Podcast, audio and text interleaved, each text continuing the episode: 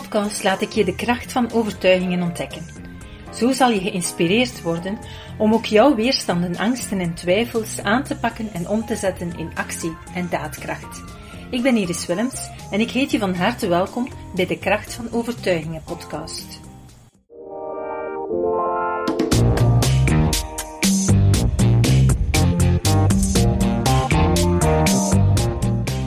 Vandaag in deze podcastaflevering heb ik een heel interessant gesprek met Mirjam van de Moortelen, die ons gaat vertellen hoe zij het aangepakt heeft om minder te gaan piekeren. Ik denk dat het een thema is waar heel veel mensen tegenaan lopen. En daarom dacht ik, het is wel heel interessant om even te horen. Zij is al een tijdje bij zichzelf aan de slag gegaan met het aanpakken van overtuigingen. En ze is bereid om met ons haar ervaringen te delen, de resultaten daarvan te delen en haar uitdagingen eh, met ons te delen. Maar voordat we daar naar gaan luisteren, wil ik jullie eerst en vooral ook nog even uitnodigen op iets heel speciaals. Want volgende maand is mijn verjaardag en naar aanleiding van die verjaardag heb ik beslist om een 22 dagen challenge te doen. Een challenge waarbij ik jullie ga leren om overtuigingen te herprogrammeren. We gaan enerzijds leren het stressniveau naar beneden te halen, want dat is een noodzakelijke basisvoorwaarde om u te kunnen herprogrammeren. En dan ga ik u verschillende, uh, ga ik u toch een aantal technieken leren om die overtuigingen te gaan inprenten. Maar voordat we ze kunnen inprenten, moeten we ze ook achterhalen. Dus in die 22 dagen gaan we vooral praktisch ook aan de slag. We gaan een stukje theoretische omkadering meegeven, maar je gaat vooral oefenen. Oefenen bij jezelf, maar begeleid door mij.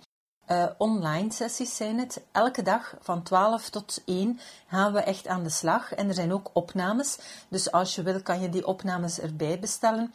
En dan kan je onbeperkt in de tijd al die oefeningen gaan herhalen en herhalen en toepassen op jezelf. Het wordt zeer interessant, zeer boeiend, al zeg ik het zelf. Uh, het is de eerste keer en wellicht ook de enige keer dat ik dit ga doen.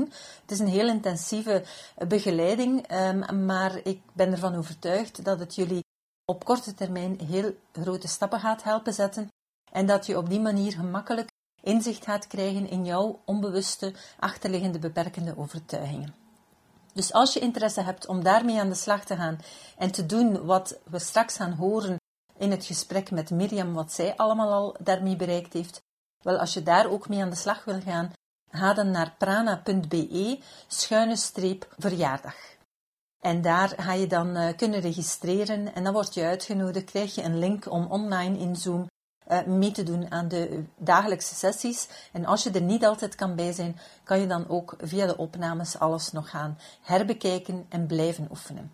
Dus ik hoop dat je talrijk aanwezig bent, want ik ben zelf al heel enthousiast om jullie daarin te begeleiden. Ik ga alles van mezelf geven om jullie daarin een heel mooi, succesvol parcours te laten afleggen. En dus nu gaan we vol enthousiasme en vol interesse luisteren naar wat Mirjam van de Moortelen met ons wil gaan delen. Welkom Mirjam. Dag Iris. Hallo. Vertel eens, jij hebt um, de voorbije maanden vooral je al gefocust rond piekeren. Kan je misschien eerst eventjes schetsen wat de situatie bij jou was? Hoe, waarom dat je dat dan als, uh, ja, als werkpunt genomen hebt? Wat was het de drijfveer daartoe? Vroeger was ik een uh, enorme piekeraar. Dat wou zeggen van je kon op geen enkel scenario komen of ik was al aan het piekeren. Alles wat ik hoorde, ik zag al van allerlei doemscenario's of allerlei dingen. Wat als? Hè? Als dit gebeurt, ik, dat heeft ook te maken met het feit dat ik ook op alles heel goed wou voorbereid zijn. Ik wou een stukje controle over de dingen hebben. En de onverwachte zaken, daar had ik geen controle op. Dus daar bedacht ik scenario's op van als dit zich zou voordoen of als dat zich zou voordoen.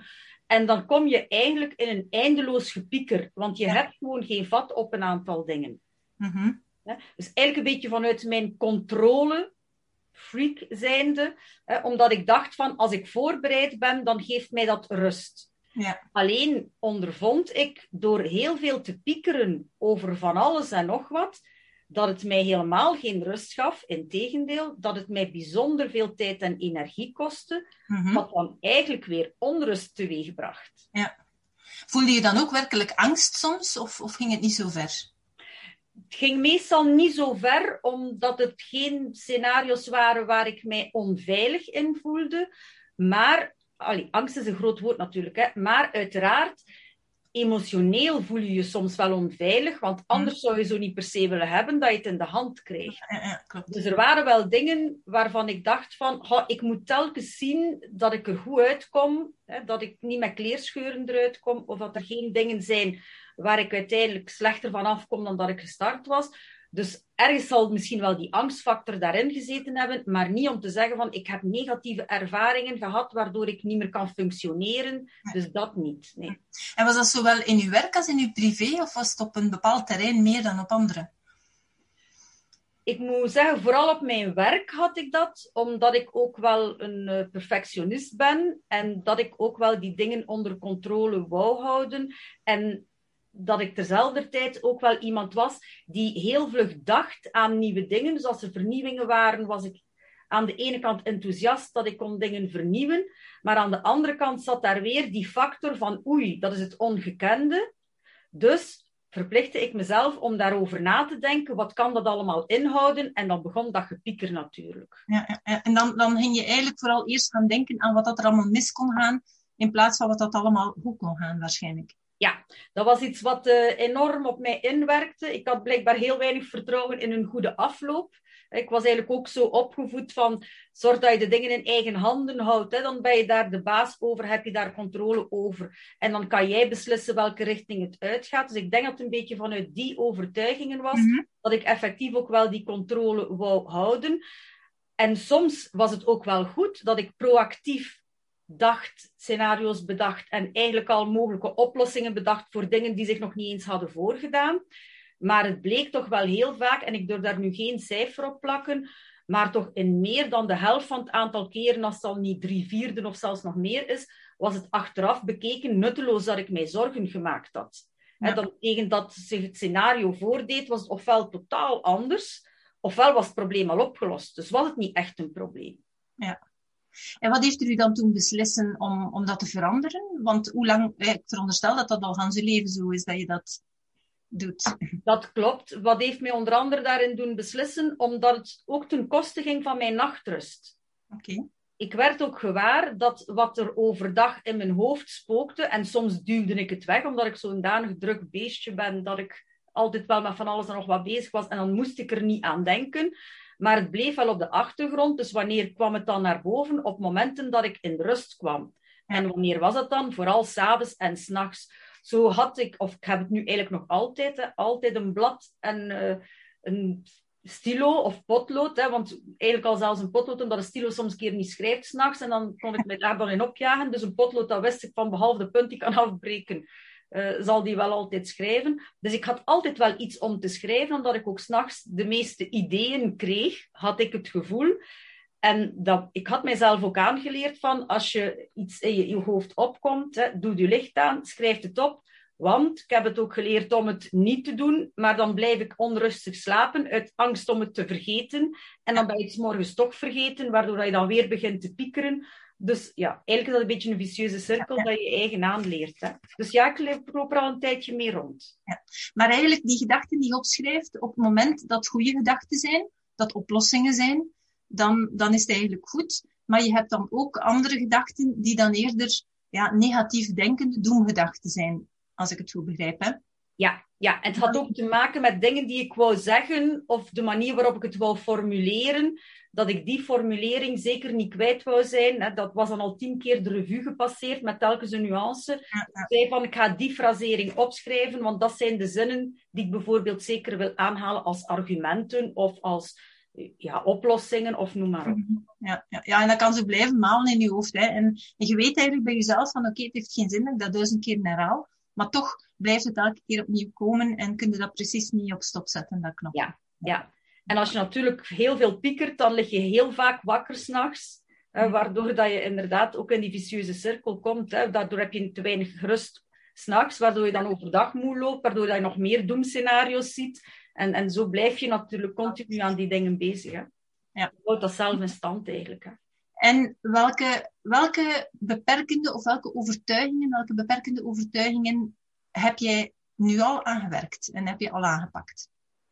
Wel, ik zal misschien vooral zeggen welke overtuigingen ik opgeschreven heb intussen en via de balanstechniek toegepast heb om te, ervoor te zorgen dat dat piekeren een stukje geremd wordt, of toch op een andere manier bekeken wordt.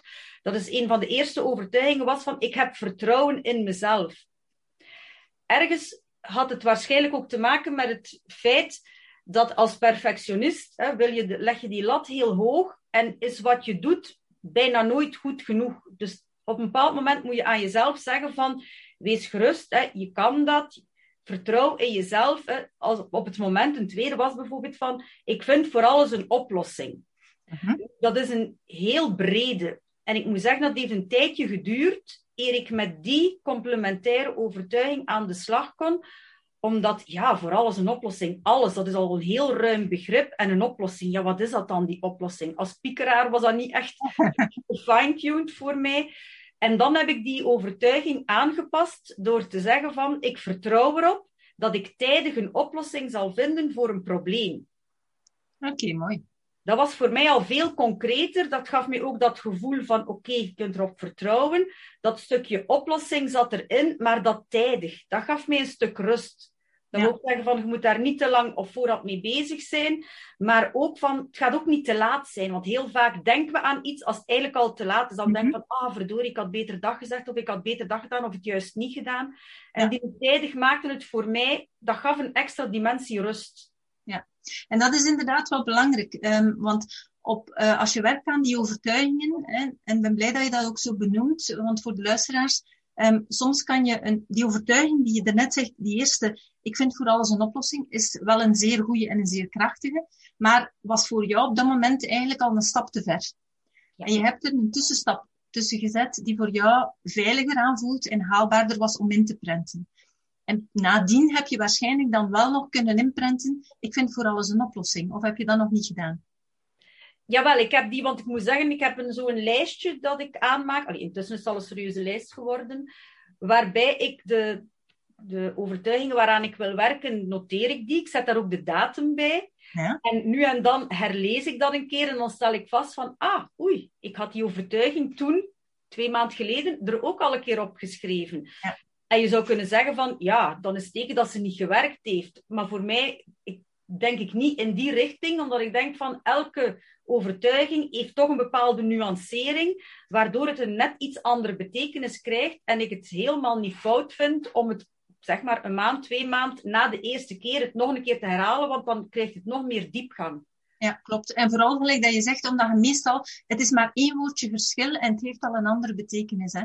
Ja. En dat is eigenlijk de kracht van werken met overtuigingen. Um, als je er wat langer mee bezig bent, dat je inderdaad ziet van het werkt, het werkt zeer goed. Maar soms zijn er zo kleine nuances die je dan eigenlijk ook maar op termijn ontdekt. Omdat ja, je leven zich ook in nuances afspeelt. En de, de ene situatie is de andere niet. Ook al lijken ze allemaal op elkaar. Ja, ja, en één die daarop heel sterk bij aanleunt, en eigenlijk heb ik ze in twee formuleringen gegeven, dat was, ik mag een probleem aanpakken op het moment dat het zich voordoet. Dat sluit heel nauw aan bij het vorige. Maar dan de nuancering daarop is ook, ik kan een probleem aanpakken op het moment dat het zich voordoet. Want ook dat is nog iets anders. Klopt. Um, en die nuances inderdaad, ik kan, ik mag, soms ook ik durf of eh, na gelang, we hebben zo een aantal nuanceringen. Uh, soms ik ben het waard, in deze context nu misschien iets minder. Um, maar ook, ja, anderen laten me toe om dat te doen. Want, want soms denken we ook dat een ander altijd van u verwacht dat je direct met een oplossing komt of met uh, alles gaat voor hen gaan oplossen op voorhand al. Ja, dat klopt. En eigenlijk is het wel grappig dat je dat zegt, omdat ik heb niet de formulering genomen van een ander laat mij toe, maar ik heb wel de formulering genomen, ik laat mezelf toe om piekergedachten los te laten. Ah ja, goed. Ja. En ik laat mezelf toe om te ontspannen, want door te piekeren kan ik niet ontspannen. Wat voor mij ook altijd een hele moeilijke was. Ik, ik dacht dat ik ontspande, maar blijkbaar ontspande ik toch niet echt. Hè. Het is niet omdat je lichamelijk dingen doet dat je ook geestelijk volledig meegaat in wat je aan het doen bent. Waardoor ik daar dan nog een paar verdere um, nuanceringen op gemaakt heb van ik kan mij ontspannen en ik kan ook genieten van ontspanning en ik geniet. Want kunnen genieten van en het dan ook genieten, zijn dan nog weer twee andere dingen. Ja. Ik kan genieten, ik geniet ervan, ja, ik mag genieten. Ja. Ja. En ook hier weer, en dat is dan misschien wel nog, toch nog, een, misschien heb je dat ook wel gedaan. Uh, anderen laten me toe dat ik ontspan. En anderen laten me toe dat ik geniet van ontspanning. Want daar zit ook bij heel veel mensen een, uh, ja, een veronderstelling, een overtuiging eigenlijk ook, van ja, maar ja, mijn omgeving gaat dat niet, niet tolereren hoor. Die zeggen gewoon dat ik altijd bezig ben. En heel vaak ook vanuit opvoeding. Hè. Bij mezelf, als ik, jonger was, hè, in, deze, in, in, mijn jeugd, als ik maar even in de zetel zat, dan zei mijn moeder van, zeg, je hebt er niet anders te doen, je zou beter een beetje werken. Ja? Dus als dat inderdaad heel vaak herhaald wordt, dan zit dat in je systeem. En ik kan soms, kan dat, dat stemmetje van mijn moeder zo nog altijd wel een keer door mijn hoofd komen. Als ik zo even in de zetel zit en mijn man komt binnen, dan is dat zo, soms is er nog, nog even die ding van, oei, ik zit in de zetel, mag dat wel? ja, dus dat, dat, dat, is soms heel, heel erg. Um, nu, het belemmert me niet en ik, allez, heb er ook eigenlijk nog niet specifiek nu dat, dat zinnetje nu aangepakt, omdat mij eigenlijk niet echt blokkeert. Maar ik heb in het verleden wel aan mezelf ontspannen enzovoort ook moeten werken, want dat was ook, het was toen zo erg dat dat inderdaad ook nooit uh, toegelaten werd voor mezelf, maar in mijn hoofd ook door de omgeving.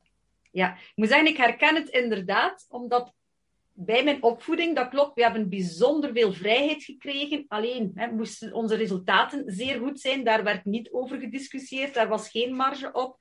En dat wil dus ook zeggen dat ja, mijn ouders vonden het wel belangrijk dat we ontspanden, maar eerst dat werk. Dat, was zo'n belangrijke. Dus effectief, ik herken het heel goed. Als je zegt van, hè, als ik daar in de zetel zat en een boek las, dan werd dat inderdaad vaak gezegd hè, van, van oeh, heb jij niks anders te doen misschien? En heb jij je werk al allemaal gedaan? En zei jij zeker dat ik klaar zit, moet ik het keer niet opvragen? Wat dat, of toen kreeg een agenda, als, als al bijvoorbeeld was, hè, dat daar toch niks in stond. Ook al wisten ze perfect dat ik hè, eerst mijn werk ging doen en dan zou ontspannen, maar dat heb je, daarover heb je het al gehad in een vorige podcast, wat ook terecht is. Hè, dus uh, dat dat goed is voor sommige momenten, maar soms moet je ook wel eens eerst ontspannen eer dat je aan het werk gaat. Dat heb ik intussen ook alweer bij Prana bijgeleerd. Maar uh, het, het, klopt wel, doordat ze dat, ja, als kind heb je dat altijd gehoord, dat dat zo belangrijk is en dat men daar iedere keer naar keek, zo van precies alsof dat je, oei, dat was een zonde precies, hè, van dat je je uren niet allemaal benutte van de eerste minuut tot de laatste minuut. Dat je inderdaad, voordat je het zelf weet, jezelf dat ook oplegt. Hè? Ja, ja. ja, en daar gaat het inderdaad over. Hè. Die overtuigingen, dat zijn zo sluwe stemmetjes die eigenlijk op elk onbezonnen moment de bovenhand pakken en u, en u weer drijven in een richting dat je eigenlijk niet wilt. Hè.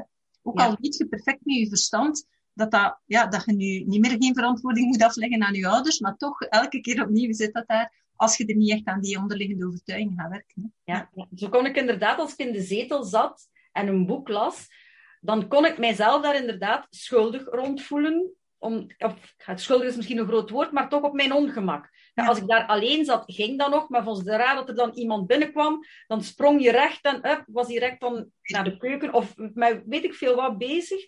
Gewoon om toch maar niet aan te tonen dat je maar aan het lezen was. Terwijl dat op zich ook wel bijzonder belangrijk en goed is. Maar ja, ik kon er inderdaad met mezelf niet over uit om te zeggen van het is oké, doe dat maar. Dus ook al zei niemand tegen mij van dat ik het niet meer mocht doen, hè, maar het zat er toch nog altijd ergens in. Ja. Ik hoor van veel mensen ook dat ze dan zeggen, of soms zelfs zelf de perceptie creëren van, ja, maar mijn omgeving, die aanvaardt dat niet.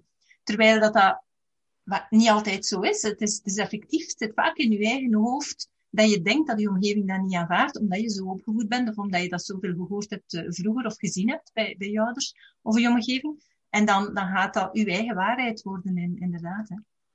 Maar um, ja, je ziet, dat brengt ook de link met ons piekeren. Hè, want dat piekeren, ja, daar ben je toe gekomen om te zoeken naar die oplossingen en je wil alles onder controle houden. Zijn er nog zo van die zaken die je aan de luisteraar wilt meegeven in het kader van piekeren die je aangepakt hebt of uh, overtuigingen die je veranderd hebt? Um, ben het Nu, in ieder geval kan ik zeggen, door daar heel veel aan te werken, en daarmee bedoel ik met die overtuiging, maar eigenlijk in de eerste plaats door ervoor te zorgen dat ik zelf niet langer meer in continu beta zat. Mm -hmm. In stress bedoel je dan? Hè, ja, dat, continu, ja. ja, dat klopt, dat ik continu in stress zat, heeft ervoor gezorgd dat ik ook door een andere bril kijk naar de dingen. Mm Je, door continu in stress te zitten, ook al denk je van nee, ik heb geen stress, toch aan de manier waarop je kijkt, waarop je reageert of juist niet reageert, achteraf bekeken, op het moment waar ik nu sta, ondervind ik van oei, zelfs dat was een vorm van stress, alleen had ik het niet door. Waardoor dat ik door minder um, continu aan dingen te zitten denken, geeft mij dat ook rust. En ik zeg dat net daarnet ook al, hè, dat is een vicieuze cirkel. Doordat je aan het piekeren bent, hou je jezelf in die stress. Want je mhm. houdt je continu alert. Je moet ook alles gezien hebben. Want stel dat je keer een detail niet zou gezien hebben, dat zou grote gevolgen kunnen hebben. Ook al zou dat geen gevolgen hebben, maar je denkt wel dat dat grote gevolgen heeft.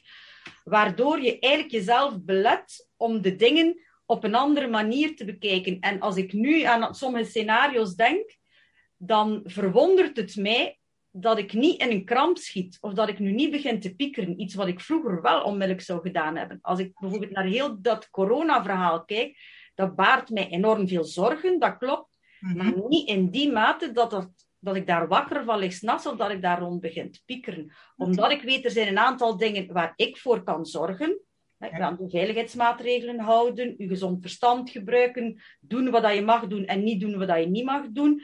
Maar er gaan ook onbekende factoren zijn. Ja. En dat heeft ook geen zin om daar van alles en nog wat rond te proberen doen, als je dat niet zelf in de hand hebt. Dus daarvoor ben ik op dit moment bijzonder blij dat ik al voldoende gesterkt ben in dat omgaan met dat piekeren, want ik vrees dat ik er anders op dit moment slechter zou uitgezien hebben dan dat ik mij nu voel ja, dat klopt. Je hebt daar ook nog een belangrijke gezegd. Um, eigenlijk is dat ook een beetje een, een, overtuiging die je nog zou kunnen imprinten. Misschien heb je ze ook al gedaan. Ik pak de problemen aan als ze zich stellen. Want heel veel mensen zijn al op voorhand bezig met allerlei problemen te creëren, stoppen daar heel veel tijd en energie in, zoals dat je daar straks zelf ook zei, die verloren is, want het probleem komt er nooit. Ja. En in, dat is eigenlijk in, in 99% van de gevallen is dat zo, hè, bij ja. Ja, maar ik heb inderdaad, een van mijn overtuigingen was, ik mag een probleem aanpakken op het moment dat het zich voordoet. Dat komt eigenlijk een beetje op hetzelfde neer. En dan lachend zeg ik soms, ik mag een Jean-Luc Dehane doen. Ja. Een Jean-Lucske doen. Ja. Gewoon omdat die man ja, was daarvoor gekend, hè, om te zeggen, van, we gaan de problemen maar aanpakken op het moment dat ze zich voordoen. En op dat moment dat hij dat zei, dus het is nu toch al wel een aantal jaar geleden, kon ik mij daar bijzonder aan storen. Ja. Want dat druiste in tegen wie ik op dat moment was. Hè, want ik vond dat, dat kon je niet maken. En zeker niet in zo'n positie. Je moest voorzien zijn op van alles en nog wat. Zo was ik ook opgevoed. Terwijl nu denk ik van, eigenlijk is dat toch wel een slimme manier. Ik ga me niet uitspreken over de man zelf, maar het is wel een slimme manier om voor uzelf rust te creëren en dan ook alerter te zijn als het zich effectief voordoet, om dan te reageren. Want dat was ook een bijkomend probleem. Ik was al zodanig gefocust op allerlei scenario's, maar oh wee, als er dan toch nog net een nuance van dat scenario zich voordeed, dan was mijn energie op ja. om daaraan te werken. Ja. En dan schoot je ook volledig in paniek waarschijnlijk. Ja, ja, want daar waren dan nog toch een aantal dingen die ik niet gezien had.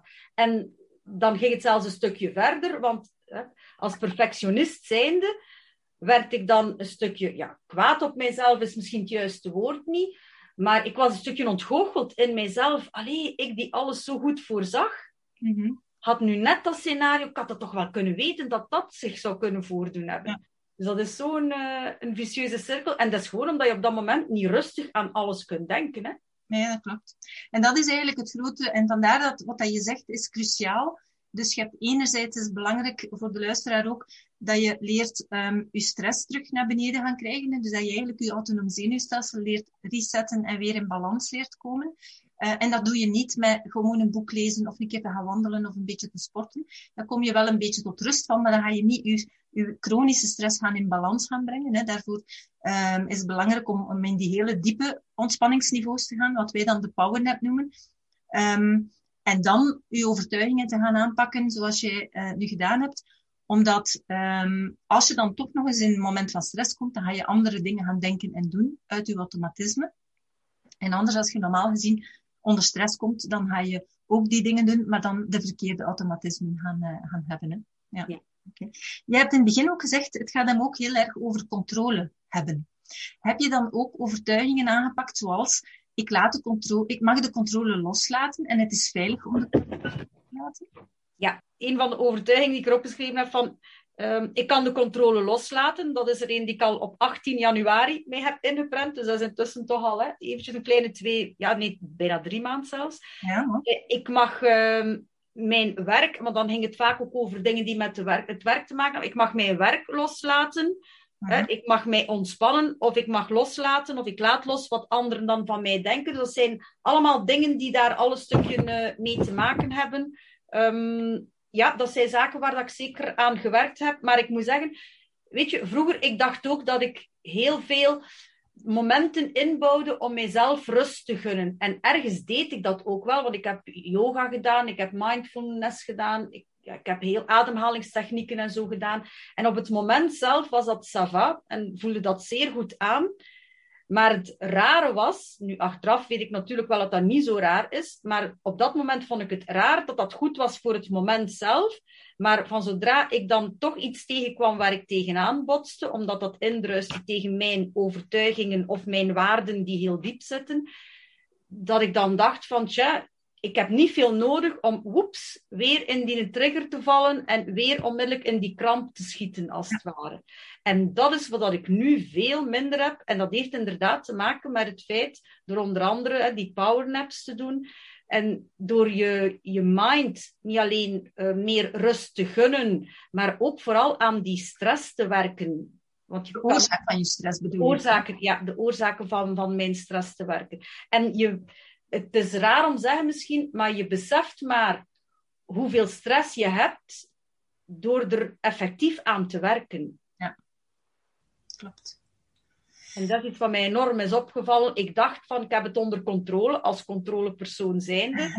Maar toch had ik toch heel veel dingen niet onder controle. En zeker niet als het met stress te maken had. Ja, ja. En nu door meer de controle loslaten, heb je meer controle gekregen?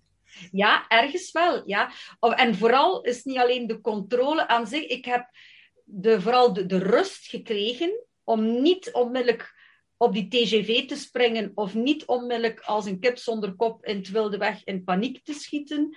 En terzelfde tijd heeft er dat ook voor gezorgd, doordat ik in een iets achteruitzittende positie kan blijven zitten, dat ik meer het overzicht van de dingen bewaak en meer genuanceerd en met rust naar de dingen kan kijken, waardoor je ergens wel meer controle hebt, misschien niet over de anderen, maar wel over jezelf. En dat is een cruciale, want je moet, de controle moet beginnen bij jezelf. Zolang dat jij jezelf niet onder controle hebt, moet je niet proberen om andere dingen onder controle te krijgen. Ja, klopt.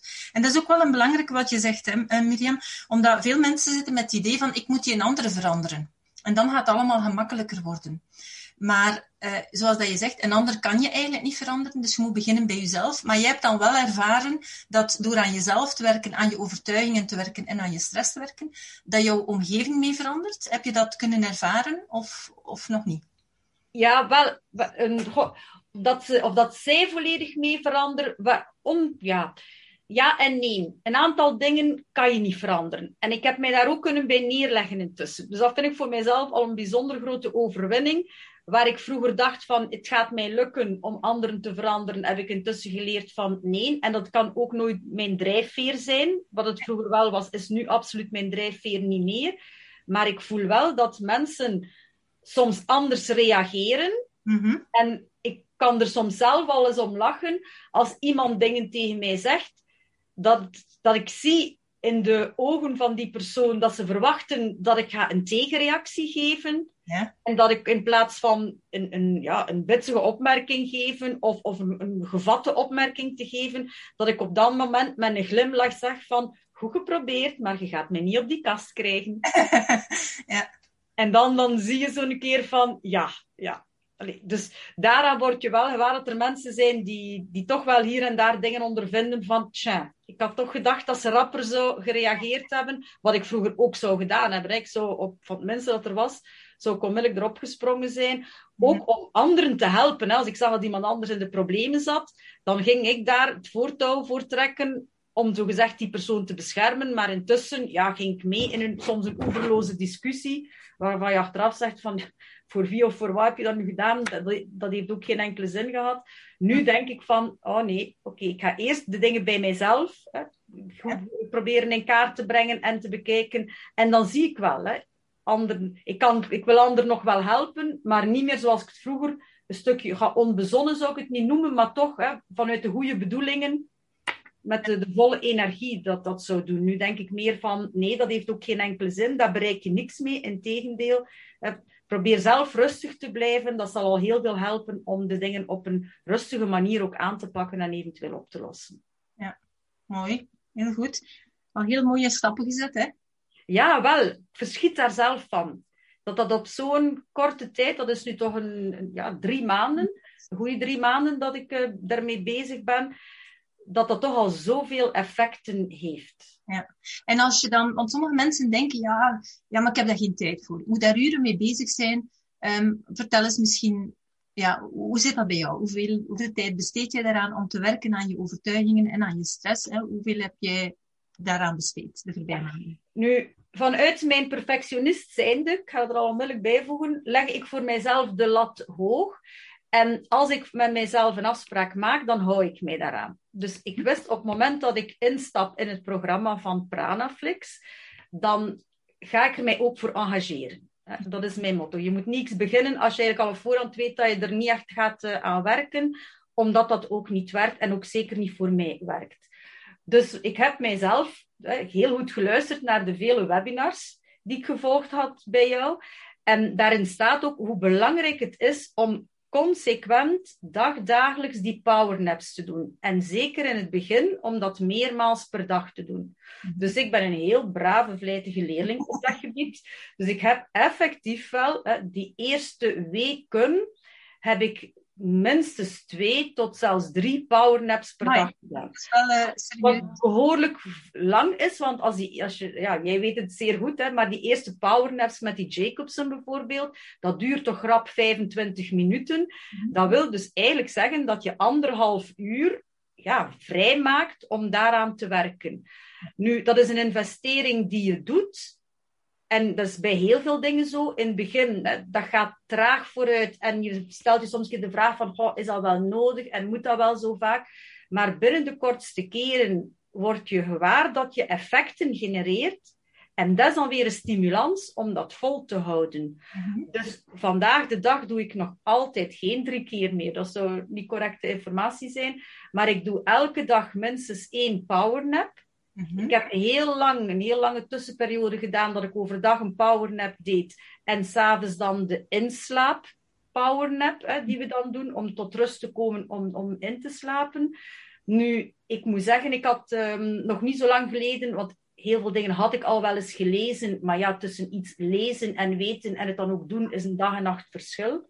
Dat kan ik uh, zwart op wit beamen. Maar ik had bijvoorbeeld gelezen van de manier waarop je s'nachts in je bed of s'avonds in je bed kruipt en inslaapt, is ook de manier waarop je s'morgens wakker wordt. Mhm. En dan wist ik voor mezelf van ik moet zorgen dat ik tot rust kom. Vandaar die inslaappowernap die ik deed. Die bracht mij schitterend tot rust. En binnen de kortste keren hoorde ik al maar de helft meer van die powernap. En ik was al in dromenland. Hè. Dat was een zalige manier om in te slapen. Maar tezelfde tijd wil ik voor mijzelf ook eens testen of dat ik het zonder die inslaappowernap kon. Ja. En dat, dat lukte ook, omdat ik voldoende rustig was op het moment dat ik naar mijn bed ging. Omdat ik ook die powernap overdag gedaan had om dan indrukken te verwerken en zo. Maar het is nu toch al meer dan twee weken dat ik elke morgen, als ik opsta, dat ik start met een cocon-versie. Waarbij ik mezelf omhul met positieve energie mhm. en mij bescherm tegen negatieve energie die van buitenaf op mij afkomt, wat dat ook mag wezen. En ik moet zeggen dat dat enorm verschil geeft voor mijzelf. Ik voel dat aan als ik sta s morgens op, ik ben heel rustig omdat ik daar het positieve en het negatieve heel mooi een plaats kan geven. Dat is voor mij een heel duidelijke structuur. En eigenlijk begin ik al mijn dag in de rust. En dat is al een heel groot verschil buiten een dag bijvoorbeeld in, in stress beginnen. En dan ook nog smiddags een keer in de loop van de namiddag doe ik dan die powernap, dan de echte powernap. Maar dat kan ook verschillend zijn. Dat kunnen ook allerlei toepassingen zijn die we intussen geleerd hebben doorheen de trainingen. Maar het feit dat ik toch een vorm van een powernap doe, is voor mij blijkbaar op dit moment voldoende om zowel over mijn voormiddag rustig door te brengen, mijn namiddag de dingen te kunnen recupereren en dan terzelfde tijd ook voldoende rust te hebben om s'avonds een goede nachtrust te hebben. Ja. Oké, dus daarmee heb je het nu eigenlijk, je voelt van oké, één keer per dag en ik heb alles, uh, ik ben perfect, sorry, ik voel mij heel goed in balans, ik heb mezelf onder controle, ik heb eigenlijk al die dingen kunnen verwerken. Bij het begin heb je de eerste weken wel um, twee keer overdag en één keer s'avonds in je bed aan hoofd. Ja. ja.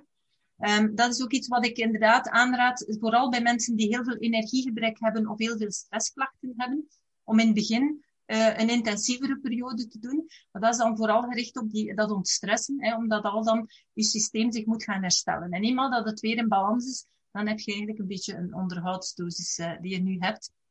En naarmate dat je nog verder gaat, uh, hoeft het ook niet elke dag, maar nagelang de, de zaken. Maar ik, stel je inderdaad meestal voor van bouw niet te snel af. Of, uh, want heel vaak denken we van oké, okay, we zijn weer in balans. Maar ons leven is zo stressvol dat we eigenlijk heel snel weer uit balans kunnen komen. Ja. Ja, ja. Maar als, je, als we het hebben over de overtuigingen, um, dat stukje om daaraan te werken, hè, de dingen die we nu besproken hadden van werken aan dat piekeren, die overtuigingen. Um, heb je daar heel veel tijd, uh, hoe, hoe, heb je dat aangepakt? Is dat, ik veronderstel dat dat ook in stukjes gegaan is, elke dag een paar overtuigingen. En hoe, hoe, hoe lang ben je daarmee bezig? Wel, ik moet zeggen, ik heb dus door de training te volgen, heb ik op mijn eigen tempo les na les gevolgd. Hè. Dus dat is het handige daaraan, dat telkens in kleine stukjes is opgedeeld. Zodanig, je hebt wel rap eens een half uurtje of een kwartiertje de tijd om aan een volgende stap te werken of aan een volgend onderdeeltje te werken. En het is eigenlijk maar op het moment dat we bij de stappen komen om aan de overtuigingen te werken, dat ik effectief ook telkens ben beginnen toepassen wat daarop stond. Mhm. Dus bij de eerste keer als ik aan mijn overtuiging gewerkte, ik zou moeten kijken op mijn blaadje. Als ik hier kijk, mijn eerste overtuigingen dateren van 15 januari. Dus ik ben gestart 31 of 31 december. Dus wil eigenlijk zeggen, na 14 dagen zat ik aan het stukje rond overtuigingen. En vanaf dan heb ik dagelijks twee, drie, vier soms, dat hangt er vanaf, overtuigingen ingeprent. En dat had vooral ook te maken met dingen waarvan ik, die spontaan op mij afkwamen, maar ook dingen die ik las vanuit de community, dat ik dacht van, ah, dat is nog een goeie, daar kan ik iets mee. Uh, maar ook dingen vanuit de, de, trainingen die gegeven worden. Hè powernaps, van zodra er een aantal waren, eh, wat zijn powernaps, overtuiging, van zodra er een aantal waren, ik noteerde die op. Ik heb heel veel kleine papiertjes waarbij ik die dingen opschrijf. En die blijven ergens op de achtergrond in mijn buurt. En op het moment dat ik denk van, ja, voilà, ik had dat ergens opgeschreven, hoe zat dat nu ook weer? Dan kan ik dat opzoeken, schrijf ik dat op mijn lijstje. En op die manier heb je dan een mooi overzicht van welk soort uh, overtuiging je allemaal hebt. Plus, we hebben ook een hele lijst met belemmerende overtuigingen en hoe je zelf daar eventueel complementaire kan tegenoverstellen. En ja, ik speel ook wel graag met taal, dus ik vind het altijd een uitdaging om het woordje niet en het woordje geen te vermijden. Want we gaan zo rap in de dingen van wat je niet wil. precies, ja. En het is dus een kunst om dat te vertalen naar, ja, maar hoe zou je dat dan wel formuleren? Als een positieve of een bevestigende zin. Dus ja, ik heb er intussen toch al wel een aantal op staan, maar ik zie er nog dagelijks zeer mooie passeren in de community. Dus uh, ik heb nog een beetje werk waarmee ik mee kan bezighouden, maar zinvol bezighouden. Maar in principe, als je met dan de, iemand dat je de techniek kent, hè, dat je met de overtuigingen bezig bent, met vijf of tien minuutjes per dag heb je eigenlijk al een aantal overtuigingen veranderd. Hè?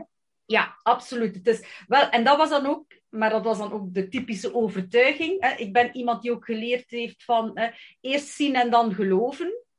Dat is ook een overtuiging van vroeger. Dat was van, ja, ja, tuurlijk zal dat wel helpen. Hè. We zullen wel zien. Maar gaandeweg ondervind je dat het effectief toch wel iets opbrengt. En dat het effectief toch wel... Soms zijn het maar kleinigheden, maar die kleinigheden als je die ziet en je wil die zien, want dat is een kwestie hè, van, van hoe kijk je daarnaar, sta je daarvoor open om die kleinigheden te willen zien, wel, dan die stimuleer je weer om te zeggen van, ah, tja, dus toch.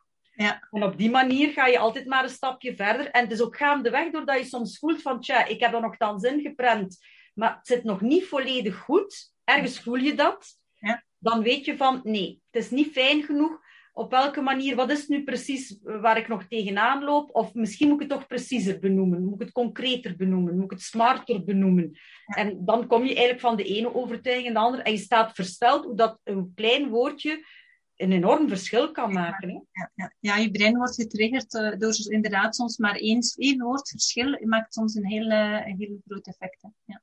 ja, super. Heel erg bedankt, uh, Mirjam. Het was heel interessant om jouw uh, evolutie te horen en uh, hoe dat je het hebt aangepakt. Ik hoop dat je ook dat we hiermee ook andere mensen hebben weer uh, geïnspireerd en gemotiveerd om hun piekeren aan te pakken. Dus je hebt ook heel veel inspiratie gegeven waar mensen zeker mee aan de slag kunnen. Heel erg bedankt. Graag gedaan. Super tof dat je hebt geluisterd naar de Prana Mental Excellence podcast. Ik hoop dat je het waardevol vond en dat je er inzichten uit hebt kunnen halen voor jezelf en voor je eigen business. Vond je het een waardevolle podcast, dan zouden we het heel erg waarderen als je dit zou willen delen. Enerzijds door dit te delen via je eigen Instagram of LinkedIn. Maar wat we nog meer zouden waarderen als je tijd en moeite zou willen nemen om ons een review achter te laten. Werk je met een Apple-telefoon, dan kan je dat doen binnen je eigen podcast-app door daar een review te geven. Geef ons een x aantal sterren met daarbij een korte motivatie wat je van onze podcast vindt. En werk je met een Android-telefoon, dan zie je dat de meeste apps geen review-mogelijkheid hebben. Wat we dan heel erg zouden waarderen, is als je op Google Prana Mental Excellence zou willen intypen en vervolgens via de Google Review sectie iets zou willen vertellen over Prana, wat je van ons vindt en wat je aan onze podcast hebt gehad. Alvast heel erg bedankt. Ik hoop dat je er volgende week weer bij bent bij onze volgende aflevering van de Kracht van Overtuigingen podcast.